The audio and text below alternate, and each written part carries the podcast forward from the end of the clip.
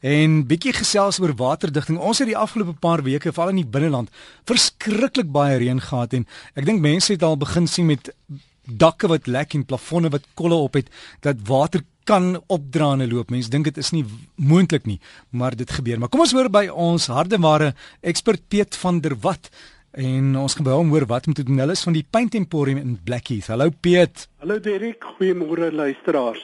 Ja, nee, ons was hier in die binneland druk besig die afgelope week om waterherstelwerk te doen en is 'n baie geskikte tyd indien dit nog nie gelek het nie, as mens so gelukkig was, maar tog goed ondersoek te gaan instel en seker te maak dat al die plekke reg is, dat die geete skoon is, veral ook nou vir die winter reënvalstreke voor die groot reën soontoe gaan, seker maak dat daar nie verstoppings is by die afleidpype nie net om moontlike skade te voorkom. Nou Derek, wanneer 'n mens nou ondersoek instel en he, al het jy nou voorheen waterdigting gedoen, is dit tog seker om of baie belangrik om daar ook goed ondersoek in te stel en as van hierdie membraan, die lap wat jy geplak het, erns blaasies maak, dan voorspel dit probleme en daar sal 'n mens voorstel dat 'n mens so halwe meter bokant of beide kante van hierdie blase. Die waterdigting maar deursny met 'n matmesie dit heeltemal aftrek goed skoonmaak was met suikerseep afspoel en sodra dit droog is dan weer oor die waterdigting te doen.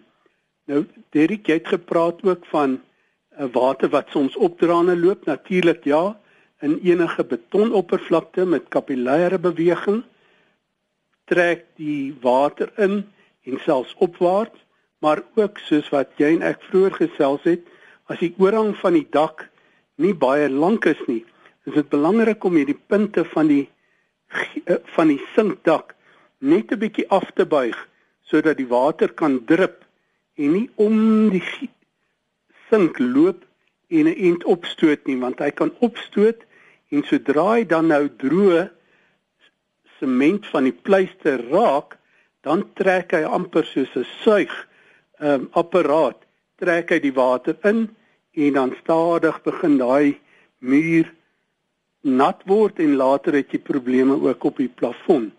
Nou Derek ook as 'n mens die bitumen stelsel waterdigting stelsel gebruik het vir die platdakke, is dit baie belangrik om elke 2 na 3 jaar weer bitumen silwer verf uh, oor te verf. Die bitumen loop in enige basies wat daar moontlik is, seël dit. Die silwer verf hou die dak lekker blink sodat hy die son kan reflekteer sodat hierdie bitumen nie bros raak en sodra dit bros raak is natuurlik vol basies en dan begin dit lek. En die probleem met al hierdie waterdigting is jy hy wys op 'n kol uh wanneer jy 'n waterprobleem het dat hy hier lek maar is nie noodwendig daar waar die water deurkom nie. Dit kan 'n meter of 2 selfs 3 meter van daai punt af wees. Ons kry baie keer dat mense sê ja onderkant van die balkon dis al 10 jaar daar en nou begin dit lek. En uh, ja daar is oplossings wat 'n mens tydelik kan doen. Iets wat ons spuit op al die breivulling en by die teëls maar Derek dit is maar 'n korttermyn oplossing. Die langtermyn oplossing is om as dit 'n ernstige probleem is, tog maar hierdie teëls van die balkon heeltemal uit te haal, uit te kap, die geskikte waterdigting dan op hierdie balkonnetjie te doen en dit sluit in 'n membraan van een of ander soort wat ook om die randjie by die mure kom, met ander woorde 'n stukkie teen die muur op en dan jou teelwerk behoort te doen.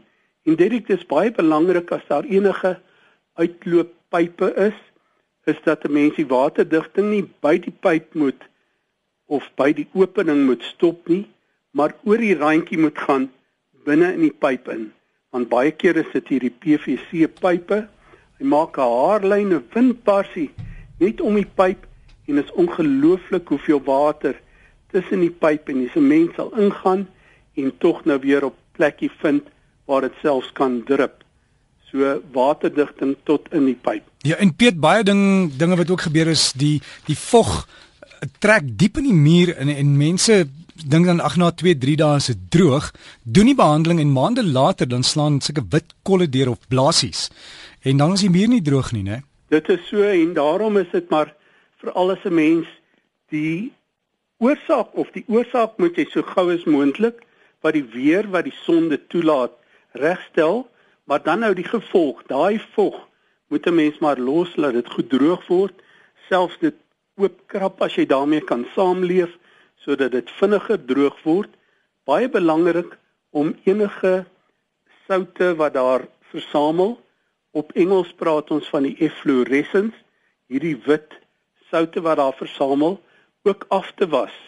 En as dit deurkom, was dit weer af want dit trek net meer vog na daardie muur toe.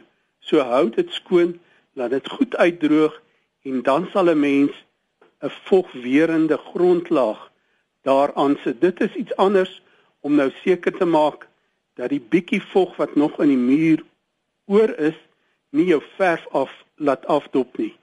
Maar die eerste stap is die voorkomende uh stappe en dit is om te sorg dat die water glad nie in die muur inkom nie. Direk dis ons storieetjie vandag. Ek hoop jy en die luisteraars het 'n aangename week. En vir jou ook dankie Piet en mense wat hulle storie vir jou wil bring en vra, hoe is ons storie? Hoe gaan jy ons help? Waar kry hulle vir jou Piet? Baie welkom om hier te kom inloer. Ons is op die hoek van Beyersnodie en Pendoringweg in Blackies Johannesburg by Fourways in Cedarweg in die Broodeikers verkoopsentrum. Ons nommer hier is 011 678 4848 en by Fourways 011 465 0081. So gesels ons dan met Piet van der Walt en jy kan hulle ook kry by hulle webtuiste die nommers is daar is Paint Emporium aan mekaar geskryf paintemporium.co.za